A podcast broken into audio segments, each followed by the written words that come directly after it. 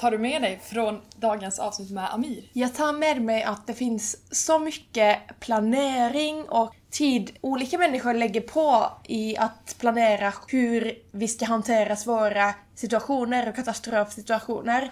Och även liksom det här logistikbiten, hur vi får in alla till sjukhuset. Från att du ringer ambulans, vad händer sen? Det är inget jag har tänkt på, men jag förstår nu hur mycket arbete det ligger bakom allt det här. Elsa, vad tar du med dig? Jag tänker på det här också att hur det som händer i världen påverkar hur vi organiserar samhället och jobben. Det han berättade om att de hade ett centrum för katastrofmedicin och jag minns inte exakt vad det hette, det var någon förkortning. Men att de har haft det i samband med att vi fick den här stora branden i Göteborg. Men att det sen då, nu hade det varit lite lugnare ett tag och de har tagit ner det och nu kommer då, precis när de har stängt ner det, kommer Corona och då behövs det igen. Och det, ja, det känns bara så märkligt och på något sätt lite typ störigt att vi är så naiva att så fort saker lugnar sig så ska vi stänga ner och det ska optimeras och så här. Varför kan vi inte bara ha den här skyddsnätet? Såklart det kostar pengar men ändå på något sätt så tycker jag det är frustrerande att... eh, Verkligen. Att Politiker, det är ju de som tar besluten då. Ehm, så det hade varit roligt att intervjua någon från det hållet och få verkligen. fråga liksom hur går det till när man lägger bestämmer vart, vart man lägger pengar på? Exakt, och jag tänker också på hela den här logistikbiten och att planera saker i förväg för saker som inte har hänt men som kan hända. Så som att om det skulle komma en tickande bomb på Sahlgrenska, vem ska... Vad, ska vi, vad har vi för beslut? Vad gör vi då? För det kan ju inte vara... Eller det skulle kännas jättetungt om jag som läkare skulle behöva bestämma mig för själv. Okej, ska jag stanna kvar här inne nu och riskera mitt liv för att rädda patienter eller ska jag gå ut? Ska vi, vilka patienter ska vi ta med oss? Och Verkligen. det är ju världens största etiska dilemma känns det som. Mm. Även väldigt intressant det här med olika, hur olika regioner i Sverige kan arbeta tillsammans ifall det tar slut på sjukhusplatserna och sådär. Är något som jag personligen är intresserad av i och med ambulans, medihel, alltså helikopterläkarkarriären som vi kanske vill ge mig in på. För det är då man behöver ju effektiva och snabba transport. Det är superspännande och det finns... Alltså här har man kunnat grotta ner sig i hur mycket som helst. Jag känner att jag vet fortfarande bara en milliprocent av allt som finns att veta. Jag undrar hur mycket läkare som arbetar ute i vården, hur mycket de vet om Ja. de här sakerna och hur bra koll har man? Det varierar säkert jättemycket men det är intressant. Säkert. Då välkomnar vi in Amir, hej! Hej! Hur står det till? Det är jättebra. Det är kallt. Det är kallt, ja det snöar utanför här. Första december och eh, en riktig eh, jul-vinterväder. Det får vi väl hoppas. Ja. Det är Göteborgsväder vet du. Det, det, det kommer oftast snö och så regnar det bort. Så det finns en risk men eh, vi, vi får hoppas. Precis. Eh, tror du att det blir många trauman nu när det är halt ute? Ja, vi kommer till det här med trauma, hur man definierar ett Ja. trauma. Vi kan återkomma till det. Ja, det, Det, det kommer bli säkert många som ramlar ner och bryter benet och skadar sig. Men om det blir mera trauma, det vet jag inte. Vi får Okej. se. Men vi börjar från början med Ja. just dig. Ja. Vem är Amir? Ja, Amir är, Amir är kirurg. Eh, Amir har studerat, ja, jag har läst medicin då både i USA och här. Så jag gjorde min primet i USA och sen kom jag hit och fortsatte då och så blev jag så småningom färdig. Eh, Sen eh, började min AT på eh, NEL i Trollhättan. Eh, Det var då det bildades i slutet av 80-talet och sen blev jag kirurg så småningom där som allmänkirurg. Jobbade jag en kort stund i Kungälv innan jag hamnade så småningom på Sahlgrenska igen då som kirurg. Då. Då började med allmänkirurgi. Så småningom eh, switchade över till endokrinkirurgi. Så jag är endokrinkirurg också. Och min avhandling som jag skrev färdig 2004 handlade om endokrina tumörer, feokromocytom och binjurebarkcancer. Och sen fortsatte jag det i bana med akutkirurgi framförallt samtidigt som jag skrev en avhandling. Då. Så jag var ju på akutenheten då 2001 till 2005. Och det var då vi startade också eh, step-down-enheten då på trauma. Så vi var akut och traumakirurgi. Vi hade ju trauma, vi hade ju akutkirurgi. Vi hade en del koloskopi, skopiverksamhet. Sen flyttade jag till Kungälv. Var verksamhetschef där då i fyra år. Till 2009. Och efter det började jag på eh, PKMC, Prehospital Katastrofmedicinska Centrum i Göteborg.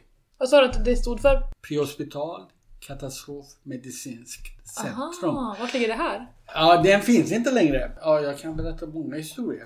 Ja, gud vad du har hunnit mycket. Ja, ja, jag känner Ja. det är spännande. Ja. Och sen så småningom då eh, från eh, PKMC till numera Försvarsmakten då som rådgivare, medicinsk rådgivare när det gäller katastrof och trauma. Så ser det ut. Hela min karriär har gått från att vara ensam kirurg till att förstå lite grann teamarbetet och eh, mycket, mer, eh, går mycket mer åt trauma, massskadesituationer och så vidare. Varvid också utvecklingen från eh, vara chef på Kungälv och så började så småningom då till eh, PKMC som är mycket mer övergripande verksamhet. PKMC var en verksamhet eller en, en enhet inom VGR som kom till efter katastrofbranden, eh, Göteborgsbranden. Man fann då att det fanns ju en del brister, bland annat eh, saknades ju utbildningsmöjligheter, samordning regionalt och lite andra saker. Det fanns kanske inte riktigt koppling det här med mellan sjukhusen och eh, prehospitala verksamheten heller. Så att då startade man det här PKMC Prehospital Katastrofmedicinska Centrum som i princip hanterade då eh, regional utbildning, man hade en del kurser eh, som, var, ja, som man kunde betala och gå, en del kurser som finansierades genom eh, regionen. Man hade en del forskning, en del projektarbete kopplat till Socialstyrelsen och så vidare.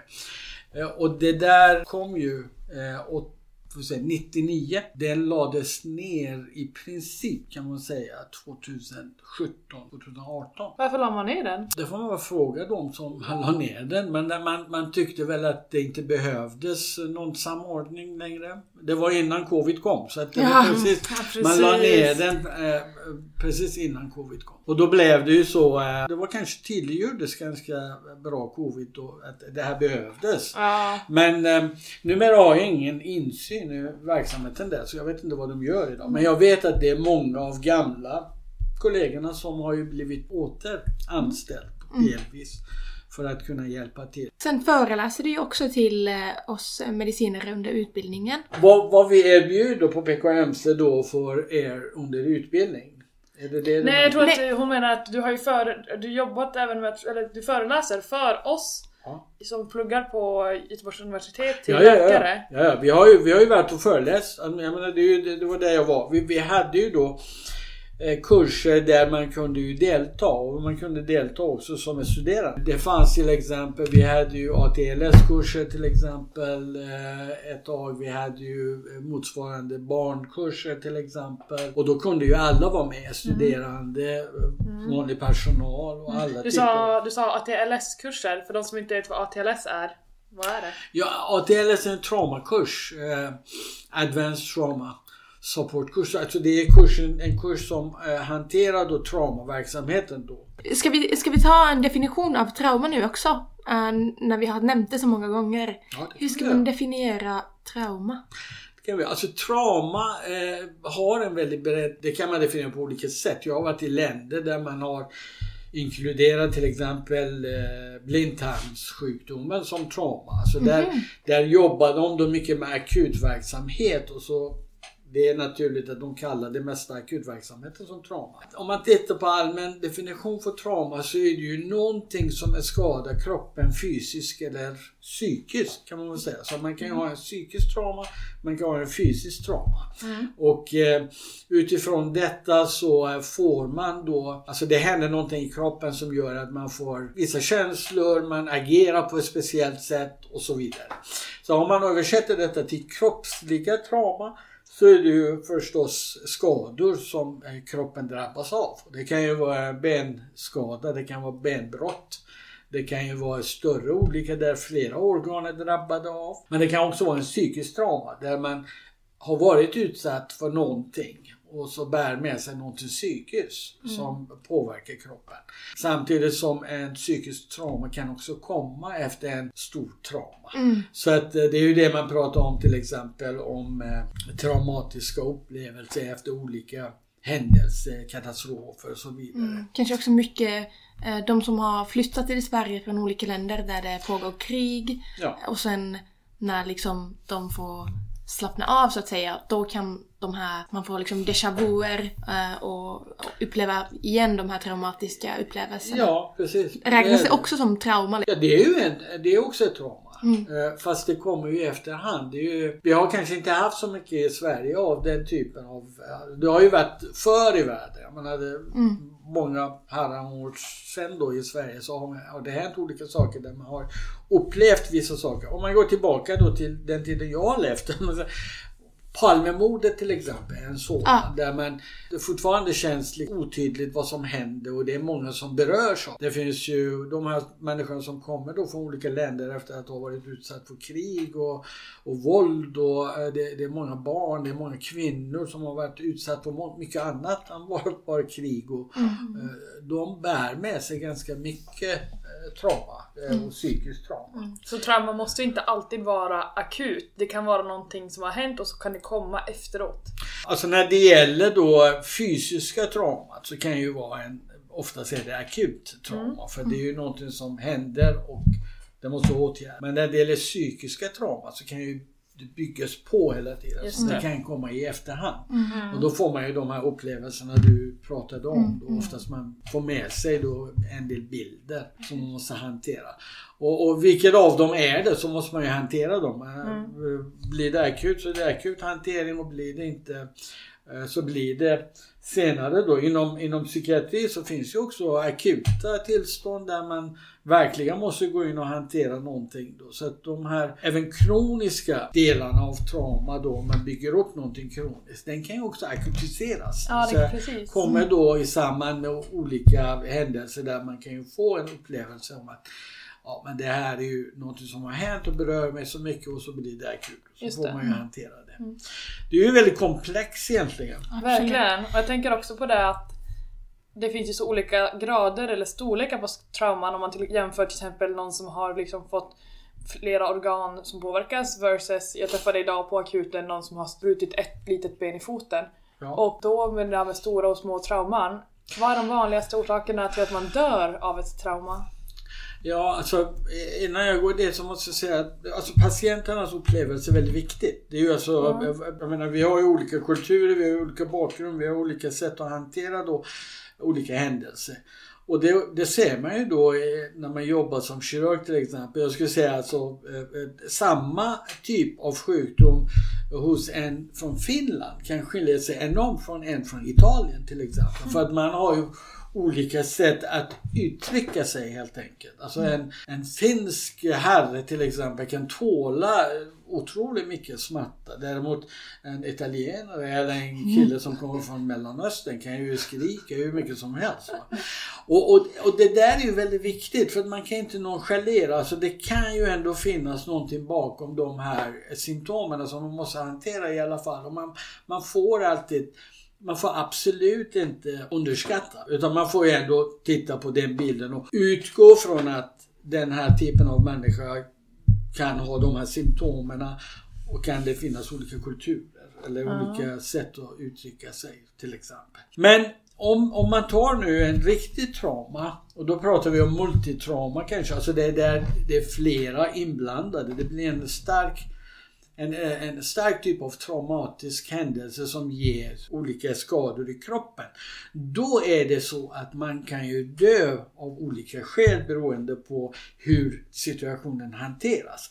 Men man vill säga hjärnblödning, till och hjärnskada och hjärnblödning, det är ju ett sätt att dö. Eh, stora blödningar, det är ett sätt att dö. Det är oftast de här som är orsaken, Livshotande, ja. livshotande eh, skäl till att man dör.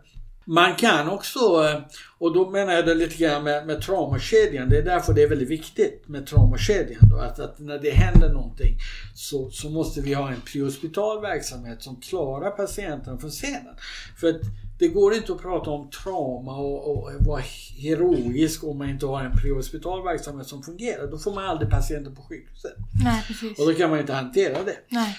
Eh, så att en, en väldigt bra prehospital verksamhet och då menar jag ambulansverksamheten, det är ju kompetenta människor, att man har, och där är ju många faktorer som spelar roll. Att man till exempel har kompetenta personer som arbetar, att man har en en eh, responstid som är kort, så kort som möjligt. Att man har bra mm, transportmöjligheter eh, och att man helt enkelt hanterar de sakerna man behöver göra. Då- hamnar man ju så småningom på sjukhuset. Och, och på sjukhuset så, så hanteras man ju då av en kirurg och anestesiolog och diverse andra specialiteter. Förr i världen, så om man går tillbaka till den tiden där vi inte hade någon traumaenhet på Sahlgrenska så, så var det ju så här att då kom ju in en, en, en patient och då började liksom alla kallades in. Då kom ju kirurgen, då kom ju ortopeden, då kom ju anestesiologen och, och diverse andra personer som behövdes. Och, och normalt sett är det så att de här patienterna, man tittar ju alltid på andning. A, B, C, D. Det vill säga andning, breathing och så kommer ju det här med cirkulation eller blödningen och så neurologi och diverse andra saker. Men eftersom andningen är väldigt viktigt och hur man andas och hur man får in luften det är väldigt viktigt så hamnar ju alltid narkosen på huvudet och hantera patienten. Och oftast är narkosen som är sist att lämna. Och ett stort problem som vi hade då var ju då att, ja, alltså normalt ortopeden kommer känna att det är inget ortopediskt. Ni har ju jobbat kanske lite grann, ni vet hur det är. Och kirurgen kommer med det är ingenting i buken. Och så kom ju då thoraxkirurgen, ja men det är ingen thoraxkirurgisk och så vidare. Och då blev ju narkosen svarta petten då kvar med patienten, visste inte vad de skulle göra. Och de hade ingen möjlighet att lägga in patienter för de äger ju inga Nej, precis. platser. Nej. Och då blev det ju en kohandling hela tiden. Var ska vi lägga patienten? Och så, alltså det, det var inte värdigt. Och då började vi prata om att ja, då måste vi ha en traumaenhet som hanterar detta. Och eh, då måste vi också organisera så att vi har en traumaansvarig. Och den personen ska ju ta hand om patienten. Efter att man har konsulterat med övriga. Så att man kommer överens om att okej, det här är en allvarlig sjuk patient. Vi behöver lägga in eh, vederbörande på avdelningen. Vi kan lägga in den på step down enheten. Den här traumaenheten som finns idag nu. Och då observerar man den patienten under ett antal dagar och ser hur utvecklingen det blir. Och normalt är det ju som jag sa, alltså hjärnan är väldigt viktigt och så kommer ju neurokirurgen och följer upp patienten och behöver man göra någonting så förflyttas den patienten till neurokirurgen. Men jag måste fråga, traumaenheten, om de läggs in på traumaenheten, är det IVA? Eller vad är trauma? Nej, nu, nu måste jag nu måste jag säga då att just idag vet jag inte hur det fungerar. Nej. Men jag tror att traumaenheten, om ni går till akutavdelningen, alltså jag tror att det, det idag, det kan hända då att det är ihop med endokrinenheten. Ett tag var jag ihop med endokrin. Det är på nya huset där transplantation ligger. Det finns avdelning 30 137 eller någonting. Kan det vara det? Då finns ju ett antal platser för just traumapatienter. Okej. Eh, För när vi startade med det 2005 så hade vi först hade vi fyra till sex platser som ägnades åt traumapatienter som kom in. Eh, Och då var de här komplexa patienterna där ingen ville ha. Jag menar är det så att du har en höftbrott till exempel eller du har ju alltså en bäckenbrott eller någonting. Då tar ju ortopeden, de vill gärna operera. Ja. Eh, Men har du någon patient som är lite oklar då vill ju ingen ha den Nej. patienten. Och då, det, det var därför den här traumaenheten kom Aha. till. Och jag tror att det är på samma sätt även idag. Även om det är kanske lite annorlunda. Men tror du att det finns i hela, hela Sverige såna på större sjukhus, att det finns traumaenhet? I de flesta finns idag och det kan ju vara mindre eller större. Om man tittar på till exempel eh, Sö- Södersjukhuset till exempel. Har ju då traumaenheter. Ett skäl till att man kanske har lite olika storlekar på traumaenheten är ju att det finns inom citationstecken inte så många traumapatienter. Det, det har alltid varit en svårighet i Sverige eftersom vi inte har lika mycket traumapatienter som man har i USA eller England till exempel. Och då kan man inte motivera att ha till exempel 10 kirurger som är där men som inte opererar. Nej. Precis. Vad är de vanligaste traumapatienterna? Vad, vad, liksom, vad har hänt? Vad är bakgrunden till att de kommer till sjukhuset? Ja, de flesta har råkat ut för trafikolyckor. Det är ju ändå mm. vanligast fortfarande då eh, kan vi säga. Det är ju ändå ganska vanligt att det finns flera bilar inblandade eller något annat. Eh, det är den vanligaste. Det har ju varit av och till tågolyckor till exempel runt om Göteborg till exempel. Men sen har det kommit nu då mer och mer de här terroristattackerna och lite olika sådana här där skjutningar och så vidare. Mm. Numera har vi ju då ändå skjutningar. Alltså, det är mm. många utomlands som kallar ju Göteborg för Chicago. För att här har vi ju ganska många skjutningar. Det hör mm. man i alla fall utanför ja, Göteborg. Precis. Mm. Jag måste fråga, det kanske inte du har svar på, men en fråga som dök upp i mitt huvud är att jag fick höra från en kompis där det var någon forskning gjord på att just nu är Göteborg den farligaste staden i Europa. Ja, det är många som säger det. det att, att vara utsatt för risker och att verkligen drabbas av det. Jag kan inte svara på den frågan. För man måste alltså det, det, När vi började med traumaenheten så började vi säga till alla, vi gick ut med brev till alla då, att skicka traumapatienter till oss. För nu har vi alltså en traumaenhet, vi hanterar dem. Och det här är ju lite problematiskt för att många av de här kirurgerna, gamla kirurger, de, de kunde göra allt. Och de vill ju behålla det här. Men numera alla som utbildas som är väldigt specialiserade. Mm.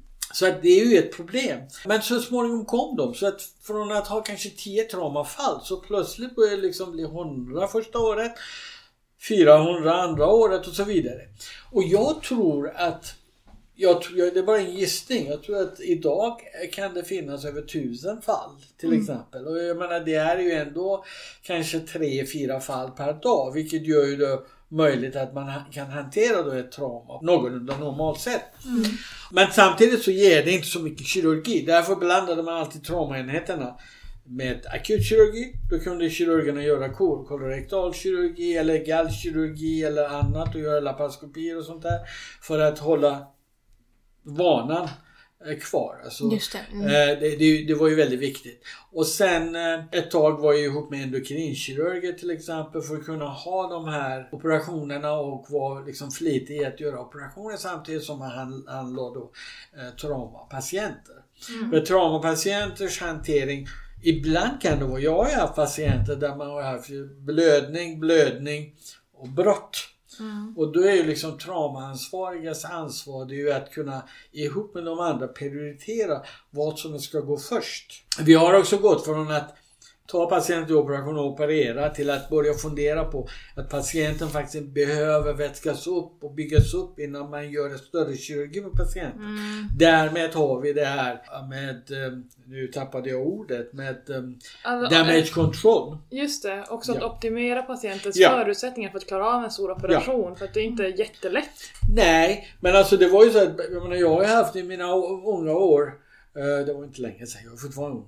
Men om man går tillbaka i början, man lärde sig att man går in och gör det man ska göra oavsett hur många timmar det tar. Mm. Alltså det är ändå så här, det fanns man kan ju stå 5-6 timmar och operera. Vi har haft, vi har haft kirurger som opererat 12 timmar på Sahlgrenska till exempel. Det är liksom, det, det, det var vanligt men numera säger man då att och det är alldeles riktigt. Eh, att man behöver faktiskt göra det som behövs akut, därmed damage control, det vill säga stoppa blödningen så gott det går. Se till att det inte finns någonting som eh, bibehåller infektionen. Ta patienten till IVA.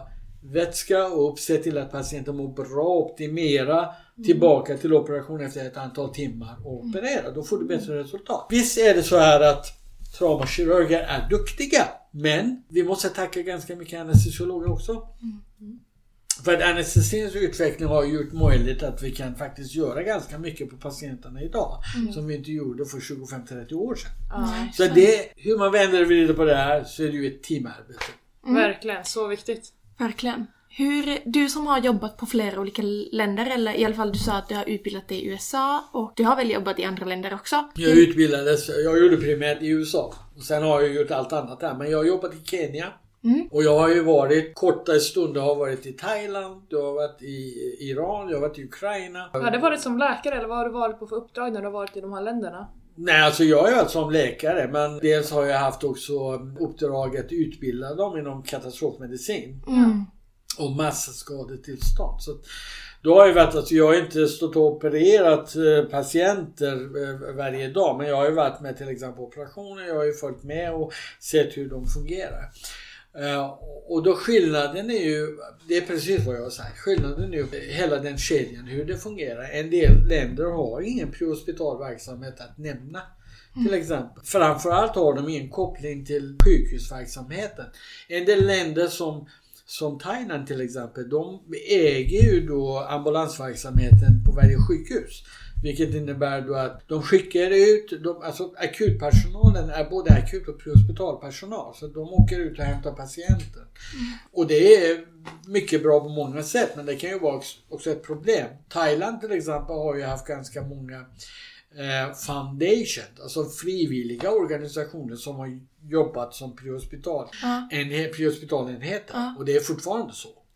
Där finns ju problem. Man måste försöka liksom, dels måste man veta hur duktiga de är prehospital som frivilliga. Dels måste man kunna koppla ihop dem med prehospitalverksamheten. Så att eh, det är ju den biten. Sen har vi ju då länder där man har, alltså i Iran till exempel, där har de ju en prehospital verksamhet men de är inte på samma nivå. Eh, och det är ju amerikansk inspirerad verksamhet. Men där finns fortfarande inte, om man pratar om prehospital verksamhet så har vi ju då antingen franco-german, alltså fransk-germanisk eller har man ju amerikansk anglo-american. Ja. Och det är två olika skillnader. Alltså den, den första, alltså fransk-germanska, den bygger ju ganska mycket med kompetens inom ambulansverksamheten. Det vill säga, du har en läkare som, som når ut. Det vill säga akutmottagningen har verkligen flyttats ut. Eh, däremot på det andra så har du då eh, de här paramedic som är väldigt specialiserat inriktat på vissa områden då. Som amerikanerna har till exempel. Och det, ju, det funkar ju säkert väldigt bra på bägge håll. Sverige är lite undantag för vi har ju faktiskt både läkare och sköterskor. Och våra sköterskor är väldigt duktiga. Oh ja, jag är så imponerad av alla sjuksköterskor. Ja, alltså de, är, de kan intubera, de kan ju ganska mycket. Vi har ju, vi har ju tittat till exempel behöver, i Sverige, vi har ju verkligen läkare på, på ambulanserna till exempel när vi har så duktiga sköterskor. Och det visar sig då egentligen om man tittar på praktiken så behöver vi inte det. Men däremot behöver vi läkaren för att konstatera dödsfall eller det kan ju finnas då barn som måste hanteras på ett speciellt sätt. Det kan finnas käkskador och ansiktsskador som man måste göra fiberskop-intubation. Det är de här speciella fallen. Men i de flesta fall så behöver vi inte det. Men det kan vi inte säga om Thailand eller Ukraina. Ukraina har till exempel ingen prehospital verksamhet överhuvudtaget. Men vad, vad, hur fungerar det då med ambulans? Om de inte har... Alltså de har ju statlig ambulans men sen där är också mycket privata. Men eh, det är ingen vårdpersonal med i ambulansen eller? Jo det är det men det, alltså en del länder som Ukraina till exempel där har de då man kan säga tra- ambulans an- används som en transport. Va? De får inte vård på ambulansen? Nej inte säkert att de får det speciellt om det är statliga sjukhus. När vi var där 15, när jag var där 15-16 och jobbade ihop med en grupp då. eh, Vi var där två år och tanken var ju att vi ska utveckla just det här prehospitala kedjan, traumaenheten och katastrofhanteringen då. Det som känns oftast i de här länderna, man får inte gå in och säga att vi gör fel, vi gör rätt. För då säger de att ja, nu kommer de några från svensk, några svenskar som ska lära oss hur vi ska hantera det. För vi är duktiga. Och därför är det väldigt viktigt att ha kurser, eh, som simuleringskurser som vi har, som gör att de själva ser vad är det problemet. Och det har vi haft i många ställen där man till exempel, det kan ju vara så banalt så att man har ju helt enkelt privata eller man har ju helt enkelt två eller tre områden som inte har samma triage till exempel, eller sortering när man sorterar patienterna. Det kan skilja sig. Och det där gjorde vi till i Kroatien 2009. Första övningen så eh, dog ju ungefär 75% av patienterna. Och skälet till det var ju då att det var två enheter. Sjukhus, ja, sjukhus B, de skickade ut sina ambulanser, de var med plats, det var tillräckligt. Problemet var ju det att här fanns ju en läkare som hade en triage och här fanns ju en läkare som hade en triage. De kunde inte komma överens. Och då dog ju 75% patienterna. För att de hamnade i konflikt De eller? hamnade i konflikt. Det ena köpte inte den andras triage. Och, och, och det där gjorde ju då att eh, det blev inte riktigt bra helt enkelt. Och tiden, eh, tiden går. Men Vissa patienter behöver åtgärdas ganska snabbt. Ja. Medan, och just det här simuleringen är ju på, på, på det sättet då att om du inte hanterar patienter inom en viss tid så dör patienten. Ja. Då, kom, Eh. mm, då kommer jag med en fråga här. Just det här att man måste åtgärda patienten så snabbt. Eh, vad gör man om man inte har välutrustad ambulans? Om man inte har det man behöver? Och vad är det viktigaste på en ambulans att ha med sig ut? Alltså det, det viktigaste är ju alltid att göra det som man kan göra. Eh, alltså det du, du säger, det, det skulle vara väldigt märkligt i Sverige då om, om man kör ut med en ambulans och inte har det man behöver för att kunna rädda eh, liv då. Men många länder så är det ganska vanligt. Precis. Och då gör man det man kan göra. Mm. Alltså det är klart att eh, om, man, om man tittar på, eh, har du en patient som är i behov av att göra något så får du göra enkla saker helt enkelt. Det är det vi kallar för primärtriage. Man, man, man gör det som är nödvändigt som man gör i en masskadesituation. Man vänder på patienten, framstupat läge till exempel. Eller man, man försöker se till om man kan plocka upp någonting från halsen om det har ham- hamnat någonting sådär. Det är enkla saker du kan göra. Du kan ju som sätta eh, handen för att stoppa blödningen eller plocka någonting och sätta där. Och mer kan du inte göra om du inte har mer att göra.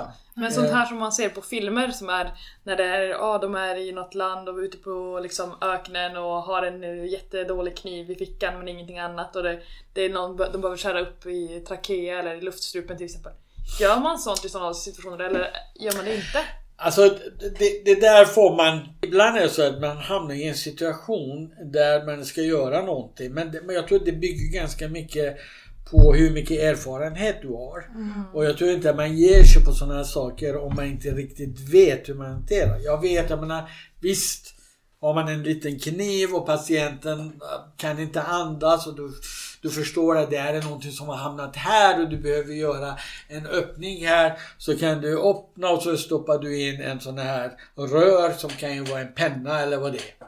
Ja. Visst, det kan, eller, det kan du göra. Men jag tror för att göra det så måste du vara väldigt, inte bara bestämd utan självsäker. Alltså, du Ah, måste ja. veta att det här är ju det jag måste göra. Jag tror att man, man kan hamna där någon gång att man gör det men och det vet jag inte, det kanske inte blir rätt.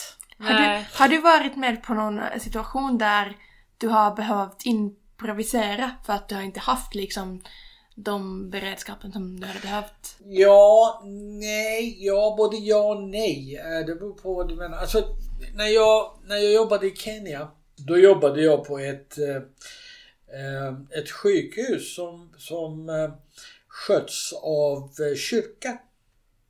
Kyrkliga kan man säga. Och det, där fanns ju då eh, vanliga instrument och grejer som du behövde. Men annars vad de hade, de hade till exempel etangas för att sova ner patienter. Och det, samtidigt som de hade blivit, eh, man hade skickat speciella utrustningar för att stoppa blödning. Alltså inte riktigt katet, en sån här eh, brännapparat som man kan göra. Eh, utan det var en riktig sån där batteridriven variant som direkt kunde vara farlig ihop med etan om man sövde ner patienten. Du vet, alltså det är så det är. Vilket innebär då att när man kommer dit så måste man börja fundera på första hand. Behöver jag operera den här patienten överhuvudtaget? Och det, jag tror att jag lärde mig ganska, en av de sakerna jag lärde mig från en av de första lärarna jag hade. eh, Det var det att, att operera, det är enkelt. Att inte operera, det är svårare. För att du vet vad det kan göra men du måste också se konsekvenserna av vad du gör. Och det är det som gör att man får, får göra så lite som möjligt men så gott så gå, så, som det går. Och hamnar man i Afrika till exempel i sådana här länder där det finns sådana här problem. Då måste man fundera då, kan man verkligen operera en sån patient? Och vad blir följden av det? För att du kan ju vara en jättebra kirurg och göra bra jobb men patient, du har ingen IVA, du har intensivvård som kan patient, sköta patienten. Du kan inte ha patienten i respirator. Nej. Så där måste ju man verkligen ta ett beslut. Och det är de situationer vi befinner oss säkert när det blir en katastrof. Mm. För jag menar det spelar ingen roll. Det är då det blir aktuellt i Sverige då att vi har Sahlgrenska sjukhuset och vi har ju ganska duktiga människor som jobbar där. Men vi har en begränsning på vilka apparater vi har. Absolut. Och vi kan inte stoppa in 100 stycken när vi har 50 respiratorer. Det är omöjligt. Och 50% måste ju gå. Mm. Och där måste man stenhårt prioritera. Ehm, Det, här, det här är en fråga. Ifall det skulle hända att det blir någon katastrof, är det liksom då, jag har tänkt på det här faktiskt flera gånger, ringer någon på sjukhuset då till alla läkare som är anställda inom SU eller hur funkar det liksom? Hur får man med folk att komma till jobbet? Så här ska det funka. Jag, återigen, jag, jag kan inte säga hur det funkar idag genom regionen. Men Ja. jag kan berätta hur det ska egentligen jobba. Eller funka. Ja. Och, och så här är det. När, när det händer någonting så är en masskadetillstånd på ett eller annat sätt. Vad det kan vara. Tågolycka, terrorattack, krig och sånt. Så får ju oftast eh, SOS Alarm, motsvarande, de får ju larm att någonting har hänt. Och så, så gör de en bedömning utifrån situationen. De har ju, skickar ju en ambulans som tittar på. Och den första ambulansen på platsen ska titta, värd, utvärdera situationen och, och utvärdera behovet av vad som har hänt och vad som behövs. Och Utifrån den rapporten så kommer SOS Alarm eh, skicka ut mera rapporter och då gick ju oftast till regionen och även sjukhuset. Men det var regionen, dåvarande PKMC, som hade ansvaret att gå i stab. Och det är olika lägen hur man aktiverar sig då. Det är alltså grönt kan ju vara då om man sitter i stab så här och det behöver inte vara mer än tre personer som sitter och bara funderar då. Vad tycker du vi ska göra nu när det är så här? Tror du att vi hinner göra någonting? Behöver vi någonting? Och vad tycker du? Och så vidare. Va? Så har man ju en konsensus snabbt hur man ska hantera det. Bestämmer vi då att nu, nu är det så här att de här eh, skadorna vi ser kräver ju mera åtgärder än vad vi mäktar med. Då är det ju en, ett steg upp, det vill säga gul. Och då kommer man aktivera ett antal enheter. Och blir det ju ännu värre, då blir det rött, då, då blir det ju hela. Alltså ungefär vad man än har. Så tar man in. Men innan vi kommer dit så ska egentligen fun- fungera på det här sättet då att när regionen får information att någonting har hänt och det finns ett antal skadade som kräver ju regionens resurser. Börjar vi med först. Eh, Då, då, då börjar de skicka meddelanden, då börjar de kontakta alla sjukhus. Och då ställer man ett antal frågor. Bland annat, hur har ni det med resurser? Hur många operationer pågår? Hur många vårdplatser ni har? Hur många IV-platser ni har? Hur många respiratorer finns? Hur många dialysapparater finns? Eh, Och hur ser det ut med akutmottagningen? Är det mycket folk på akutmottagningen? Eller är det lätt? Och då börjar de börjar liksom, de har ju en kvart, 20 minuter på sig att, att fylla i de här svaren och även börja aktivera sin egen plan. Det vill säga katastrofplan. Det vill säga de börjar också, då är det grönt för de fortfarande har inte fått någon patient. Så de börjar aktivera sig och när de gör det, efter 20 minuter så skickas ju svaren till regionen. När regionen får svar från 5, 6, 7 sjukhus. Då vet de då hur mycket resurser de har plötsligt. Då vet de att de har totalt 40 operationsrum, 50 respiratorer överallt i regionen och så vidare. Och utifrån skadans lokalisation så börjar man fördela de patienterna. Säga att ja, 10 går dit, 15 går dit, de röda går dit närmast. De gula kan gå till SKAS eh, och, och SES, Borås och Skövde. Eh, De, de röda går till Östra, eh, Sahlgrenska och Mölndal. Mölndal. Eh, och så de gröna kan ju gå till exempel till Angered och eh, Frölunda sjukhus. Öppnar vi då så går de dit. Eh, Det är så det ska funka. Ja, Ja, jätte... bra. Att du gick igenom det. Och det är då man behöver också kanske helikopter för att kunna transportera patienter. Ja, det, det kan man behöva. Det beror på lite grann på många saker hur man använder helikoptern. Alltså behövs det? Då ska man ställa frågan. Men kan man, kan man använda och kontakta andra regi- regioner? Eller måste man, om det skulle bli... Nej, men det är, det, det, det är poängen med att ha en regional koordination. För att beredskapen i landet ligger ju då högt upp på nationell nivå och sen ligger det på regional och så lokal. Ja.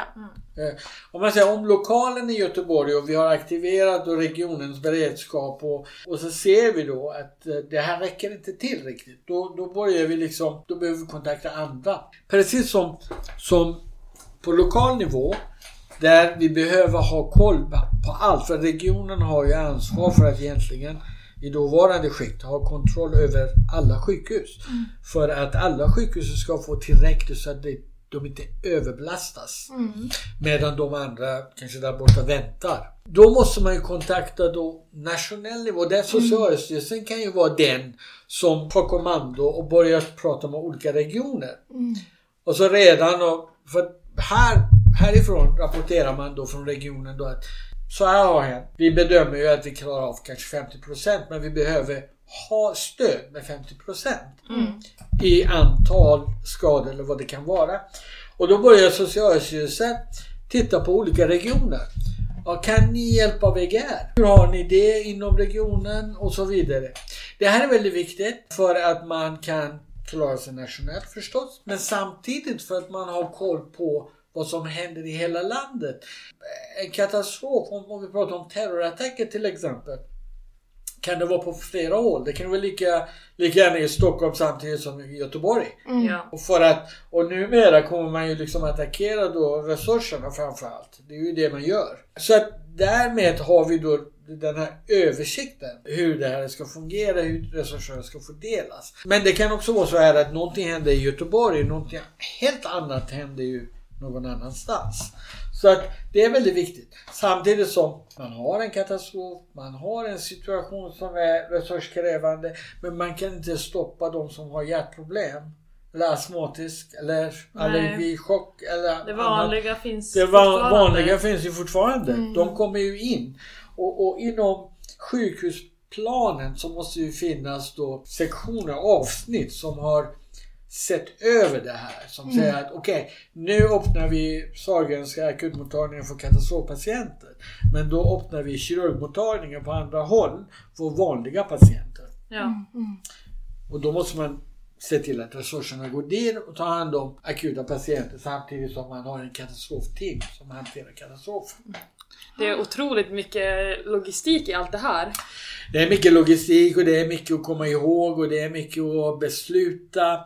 Det kommer finnas på alla nivåer, prehospital, scenen, transport och så vidare. Det kommer att finnas, alltså om det, flö, om det flyter och det, vi har resurser så har vi inga problem. Men om vi inte har det så, så krävs ju många beslutfattande. Någon måste ju liksom ta beslut att nu, nu klarar vi inte av det här då. Så då måste jag tyvärr låta en patient gå. Eh, och Det är ett tufft beslut att det ta. blir ett tungt beslut att ta. Och därför är det väldigt viktigt då att man har ett stöd bakom sig. Och det stödet får man ju då, eller fick man i alla fall tidigare när man hade en regional överläkare. Det har man idag också. En regional beredskapsöverläkare. Förhoppningsvis fortfarande får man ju samma stöd. För där måste ju de, så här är det, vad tycker du, vad, vad förslår du att vi ska göra? Och, och det ligger ju på vederbörandes axlar att ta ett beslut. Så Ja, gör vi. Triageringen är ju väldigt viktigt och det behöver inte vara bara i det här sammanhanget. Det, här var, det, det, kan ju också vara i, i, i samband med att man helt enkelt behöver evakuera ett sjukhus till exempel. Om, om nu eh, säger de att det finns en, en bomb eh, någonstans på Sahlgrenska, då behöver man evaku- evakuera sjukhuset. Har det hänt någon gång? Vet du det? Eh, Nej, det har ju varit alltså, jag kan inte exakt säga när och hur, men det har varit mindre incidenter, men det har ju inte Ja. varit större grejer. Det hoppas jag verkligen Tack inte drabbar oss. För att, men jag menar, det behövs en kollaboration eller samverkan mellan polis, räddningstjänst, sjukvård och så vidare. För att alla är duktiga på sitt sätt. Att polisen skulle kunna säga då att det här är ju falskt. Ja. För de har ju oftast en, en, en information som kommer då. De har ju alltså folk ute som kan ge dem tips. Och då kan de säga hur allvarlig är det eller inte allvarlig är det. Men om det blir så här då blir det ju så att IVA måste ju till exempel eh, helt enkelt få ut patienter. Och hur prioriterar man då en ventilatorsbunden patient efter hjärtkirurgi? Eller mm. en, en, en hjärnskadade som sannolikt kan komma tillbaka men som behöver ju lika där då. Mm. Hur ska man få ut? De kommer inte prioriteras först. Nej. De kommer prioriteras sist. Och vem ska stanna och sköta de patienterna medan mm. bomben tickar? Mm. Det är scenarier som du vet vi bara funderar på. Hoppas att det aldrig händer men när det händer, vi har ingen beredskap. Vi har ingen etisk beredskap för det. Vi har ju många etiska frågor som ingen vill prata om. Mm, mm. Nej. Det, det... Det, man förstår att det är svårt att ta tag i men det behövs. Ah man behöver inte, alltså min, min eh, filosofi är ju då att man behöver inte lösa alla problem. Alltså vi, vi har ju risker. Vi har både positiv risk och negativ risk. Och risker kan man ju hantera på olika sätt. Mm. Risker kan man ju få bort, eliminera. Man kan ju minimera. Och man kan ju acceptera. Mm. Alltså man kan ju säga att just det här är ju då en risk som man får acceptera. Om det blir en evakuering av ett sjukhus och vi måste få ut alla patienter. Vi måste lämna ett, ett antal patienter kvar. Och det där kan man acceptera. Men man måste diskutera. Man måste lägga fram så att mm. personalen och vanligt folk förstår detta. Absolut. De, min mor ligger där och alla säger nej men din mor får ligga här men vi alla andra ska ju ut för att det är en bomb. Hur ska jag reagera? Ja. Mm, mm. Ingen, ingen lätta frågor. Nej, verkligen inte. Nej, nu förstår man varför vi har ju varje termin etik eh, inom läkarprogrammet. Eh, mm. Det kanske inte alltid känns liksom varför diskuterar vi om de här frågorna? Men man förstår verkligen att man kommer behöva det när man väl är läkare även om det inte skulle hända en katastrofsituation så etik kommer man etik alltid behöva. Etik finns i vården hela tiden, mm. absolut. Men eh, för att gå in på lite mer personliga saker också så har vi en fråga vi ställer till alla våra gäster. En, en sista fråga. Mm. Och den får du tolka hur du vill och det är vad ditt personliga bästa hälsotips är till alla som lyssnar. Hälsotips? Hålla sig borta från doktorer. ja. Hålla sig borta från doktorer. Ja men det är ju one apple a day. Nej alltså hälsotips är ju att förstås, alltså man får inte bli sjuk. Det är det bästa hälsotipsen. Hur blir man inte sjuk? Precis. Jo, man äter ju bra, man sover bra, man går ut och promenerar, man gör något eh, fysiskt. Eh, man njuter av livet. Ja, det gör man. Man dricker inte så mycket alkohol. Nej. Man röker inte. Nej. Så är det. Vilken bra summering. Ja, det låter väldigt enkelt. Verkligen, verkligen. Ja. Och jag vill ställa en bonusfråga ja. eftersom du har jobbat på så många olika platser också, länder och städer och positioner. Vad, eh, kan du säga vad som är din vad har varit din bästa tid i ditt eh, yrkesliv som läkare? Kanske är det en jättesvår fråga men... Det var en väldigt svår fråga.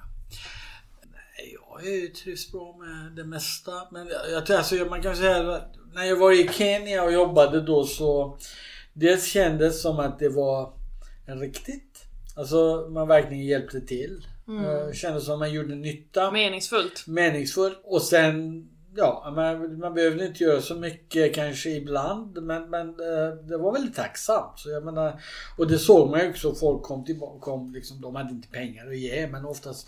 Alltså det, det ser man på filmerna. De kom med ägg eller höna eller sånt där. Det stämde. För det är många som kom från olika byar med lite olika grejer. Så att, det kan ju stämma och det var ju roligt. Men lika väl tycker jag det har varit roligt här också. Jag menar ibland går man runt och funderar om man gör verkligen nytta. Men jag har haft många anhöriga som har varit väldigt tacksamma.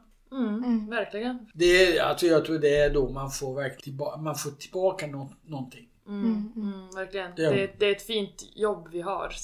Att få hjälpa andra människor. Mm. Absolut. En, en sak till, jag vet att jag har pratat för mycket. Men eh, en sak till som jag tycker är väldigt viktigt också i framtiden när man pratar om detta. Vi pratar mycket om sjukhus och prehospitalvård och så vidare. Men det och en del av min forskning handlar om att göra lokalt eh, en del arbete som gör att folk blir starka i, i, i sitt agerande om det blir katastrofer till exempel. Och det är vad vi har jobbat med. Det är ju att vi har bland annat tittat då om, om vanlig folk, alltså layperson som man säger. De skulle kunna göra vissa saker. Det händer någonting. Till exempel, det kan vara så enkelt som att man helt enkelt samlar alla gröna, det vill säga de som kan gå, eh, få bort från det området. Det kan ju vara så enkelt som att om det händer någon skjutning till exempel i en skola, när man barrika- barrikaderar då ett område så att barnen kan ju få skydd till exempel. Det kan vara enkla saker Ja. man kan göra. Samtidigt som eh, vi tittar på hur kan vi aktivera då de resurserna som finns i regionen till exempel här eller någon annanstans som kan användas i händelse av en katastrof. Till exempel hotell, skolor, eh, tandläkarmottagningar, veter- veterinärkliniker, vanliga vårdcentraler till exempel, närhälsorna då. Man kan ju till exempel ge dem någon, du vet en liten respirator så att de kan göra appendektomier till exempel. Allt är möjligt. Om man kan om kan, man kan planera detta. Och vi har gjort två studier. Här i Göteborg, i regionen, gjorde vi då en studie där man såg tydligt att det finns eh, intresse för detta. Och vi gjorde också en annan studie där vi tittade, frågade alla laypersoner, så där folk ute, om de kan tänka sig göra någonting. Och det var ju också toppen. Alla vill hjälpa till så att säga. Och det går i linje med det här med eh, hjärtrumräddningen. Precis. SMS. Ja. Och det är ju liksom det gör man. Man skulle kunna göra andra saker också. Fantastiskt bra. Ja. Och vi har kört likadant nu faktiskt eh, Bangkok. Wow. Jag har en doktorand som gjorde likadant där och där fanns ju också mycket intresse för att göra. Alltså, hotellen har erbjudit sig att ge mat, vatten, ta hand om chockade personer. Det är samma i skolorna. Det var 400 skolor som ställde upp i Bangkok att kunna hjälpa till. Och, eh, men vi behöver ju liksom lagändring. Vi behöver ju lite olika saker. Vi behöver guideline. Vi behöver prata om det mer för att kunna göra. Detta går lite grann också hand i hand i totalförsvaret som vi inte har pratat om. Det, som jag gör en hel del också. Titta på forskningsmässigt. Hur kan man ju få ihop civila och militära i olika nivåer. Så att de kan samverka. Wow, fantastiskt. Jätte, jätte Mycket intressant. Spännande. Ja det tycker vi också. Det är därför vi Ja, jobbar med det. ja, ja. Det, och det, det låter inte, nu just när vi, det, det sista här, det låter inte som läkarjobb utan något helt annat. Och det är liksom, det är så fint att det finns så många olika nivåer och att, att kunna vara liksom, du har kunnat vara på så många olika positioner som chef och i. Kenya och forskare av och... läkaryrket. Det är, alltså, det, dina kunskaper. Läkarjobbet är ju fantastiskt jobb. För du kan ju liksom göra det på olika sätt och du, du, du, har, du gör nytta. Men det, poängen är ju att oavsett vad vi gör, vi tar hänsyn till eh, läkeriet, eller läkarjobbet. Vi tar hänsyn till patienterna. Vad som är bäst för patienten. Även om vi pratar om det här, hur fördelar man resurser inom, inom eh, regionen. Alltså vårdcentralerna kan vi gärna göra en appendektomi eller ha en röntgen som gör att vi kan helt enkelt gipsa en, ett ben som är brutet. Det är ju liksom för patienten. Ja, I Det slutändan är handlar det ju om patienten. Ja, det handlar om patienten. Och i den finns också en patientsäkerhet. Säkra att patienten och vanligt folk kan må bra. Oavsett vad som händer. Stort tack! Stort, stort tack! Tack! Hur mycket jag har pratat? Ganska mycket. Precis lagom.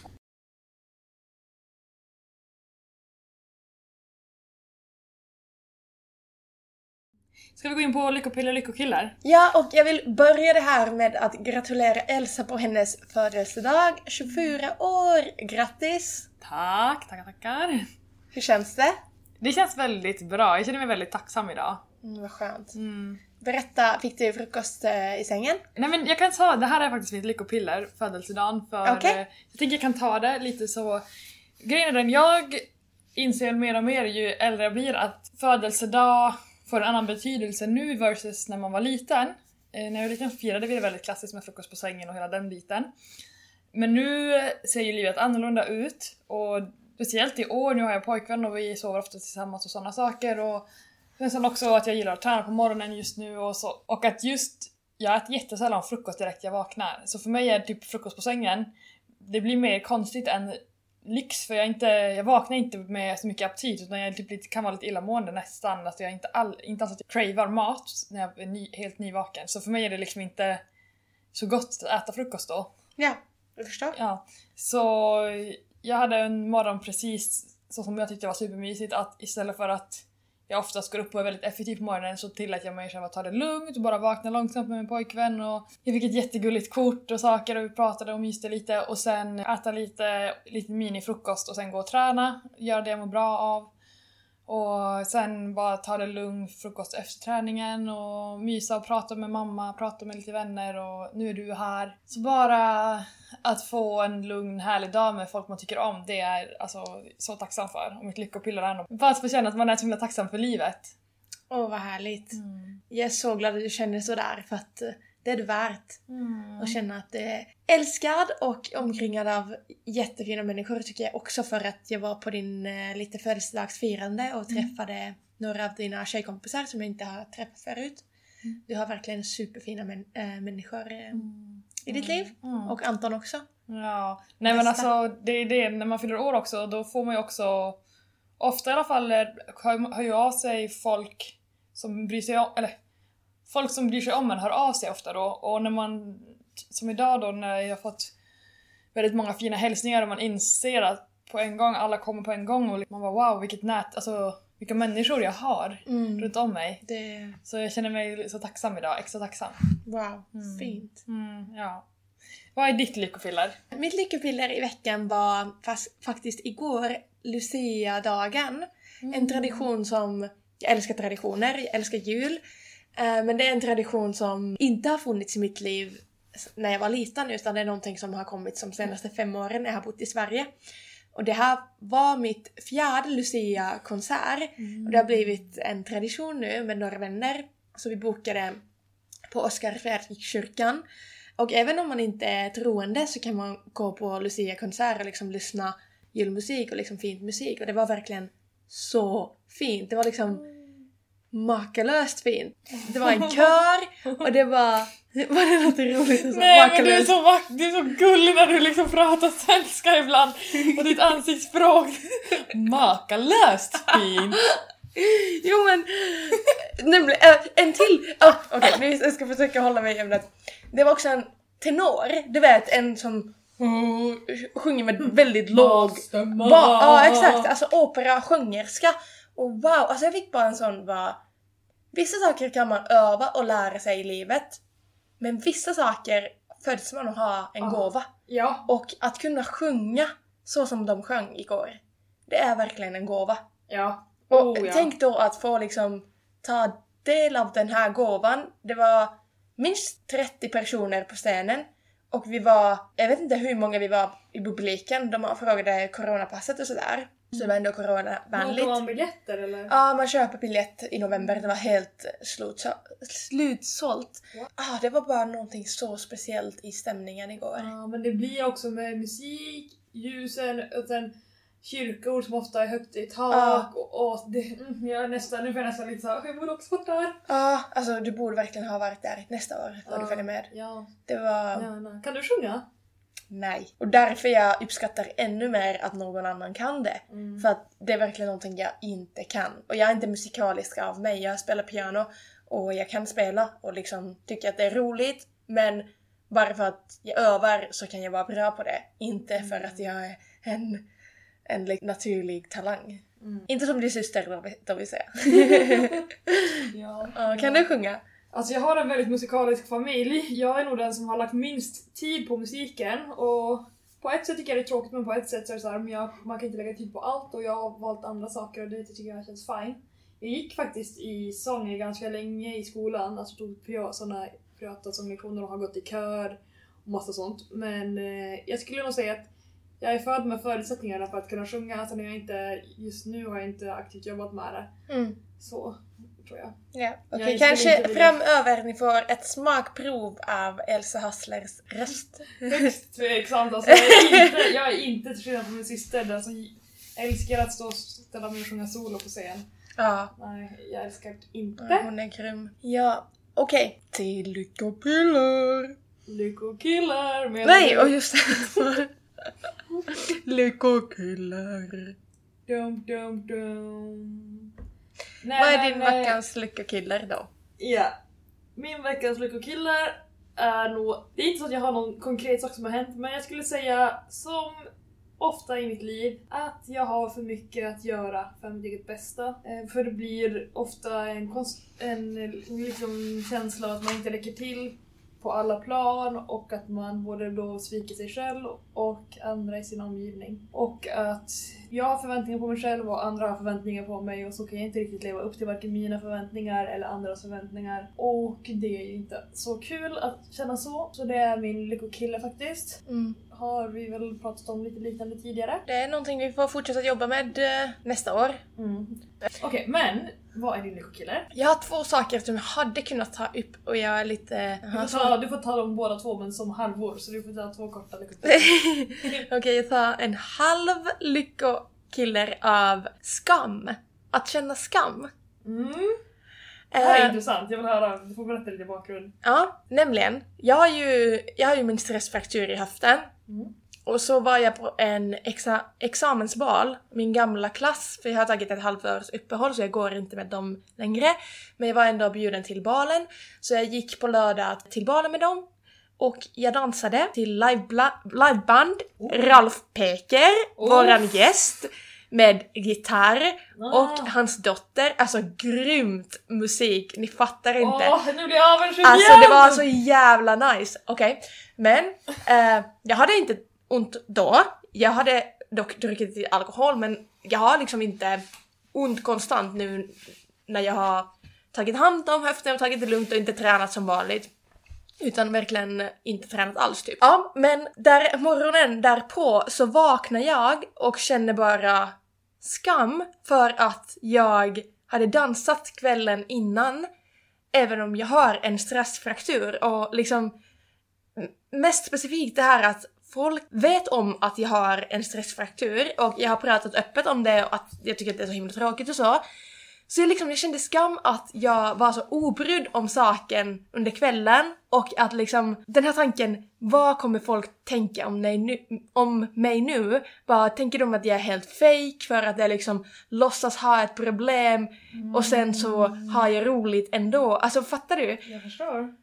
Och jag har gått runt, och nu liksom, jag hade så himla bra kväll och nu låter jag det här ha liksom tagit lite över så att ja, så nu hela kvällen präglas av lite skam och ångest. Jag blir så arg av att varför ska vi alltid bry oss så mycket om vad andra tycker och tänker? Jag vet att det är många fler än du som har det problemet, inklusive mig själv. Alltså, om man kunde få bort ur- den här ekvationen vad alla andra tycker och tänker kanske det kunde vara enklare att acceptera att okej, jag, gjorde, jag gjorde fel igår, jag dansade, men jag hade i alla fall kul. Men nu måste du tänka på, okej men vad ska andra tycka och tänka? Precis, och huvudpoängen är ju att jag inte fick ont morgonen därpå. Alltså, det var inget som fysiskt påverkar, eller liksom verkar att jag har gjort någonting som har gått snett. Och dessutom så sa min psykolog när jag nämnde det här till henne, hon bara Alltså tror du att folk efter en bal där de också har druckit alkohol och haft liksom jätteroligt går runt och tänker på dig och din höft? Och då kände jag ännu mer bara Shit, det är ju sant liksom. Varför skulle de tänka på mig? Är jag så självisk att jag... Ah. Alltså förstår du? Då fick jag ännu sämre samvete och bara... Men tror jag att jag är? Ja, exakt! Lite så! Och, ja. Förlåt att jag skrattar men det är lite komiskt i det hela. Men det är så, man tror ju typ att man själv är den viktigaste personen i, i världen. Medan alla andra tänker ju så om sig själv så att Ja, men, men jag har alltid "Oj, vad tänkt att- folk tycka och tro? ja, men jag, för jag har tänkt att jag inte är en sån människa. Men nu, nu blir jag liksom bara... Shit, är jag verkligen så självupptagen? Jag så, tror alltså helt ärligt, det är du precis som alla andra. Ja, ja, ja, jag har jättesvårt att acceptera det här men jag får fundera, det, fundera vidare på den här, Nej, den här Vi biten. får se om det blir någon återkommande grej i Lyckokiller. Ja. Vad var den andra halvan? Nej men det här var hel, det hela liksom. Det var Det var ju hela. många ångest, skam, självupptagenhet. Ja, det är. Det är mycket till dig den här veckan. Mycket som kan hända på dansgolvet helt enkelt. Ja, speciellt när Ralf Peker spelar på rock'n'roll. Yes. Han skrev faktiskt sms till dagen efter och bara din klass var verkligen festsugen. Vad kul. det var Ja, och magiskt. för er som inte vet vem Rolf Peker är så lyssnar ni på avsnitt ett är det väl? Ja. Ja, avsnitt nummer ett. Så får ni höra på alla möjliga sjukdomar som kan drabba penis. Ja, urologen Ralf Peker på avsnitt först. Avsnitt ett. Okej, nu börjar det vara lite rastlöst här så jag tror vi ska avsluta och önska alla en jättegod jul! Nu går vi och julpysslar, hejdå! Hejdå!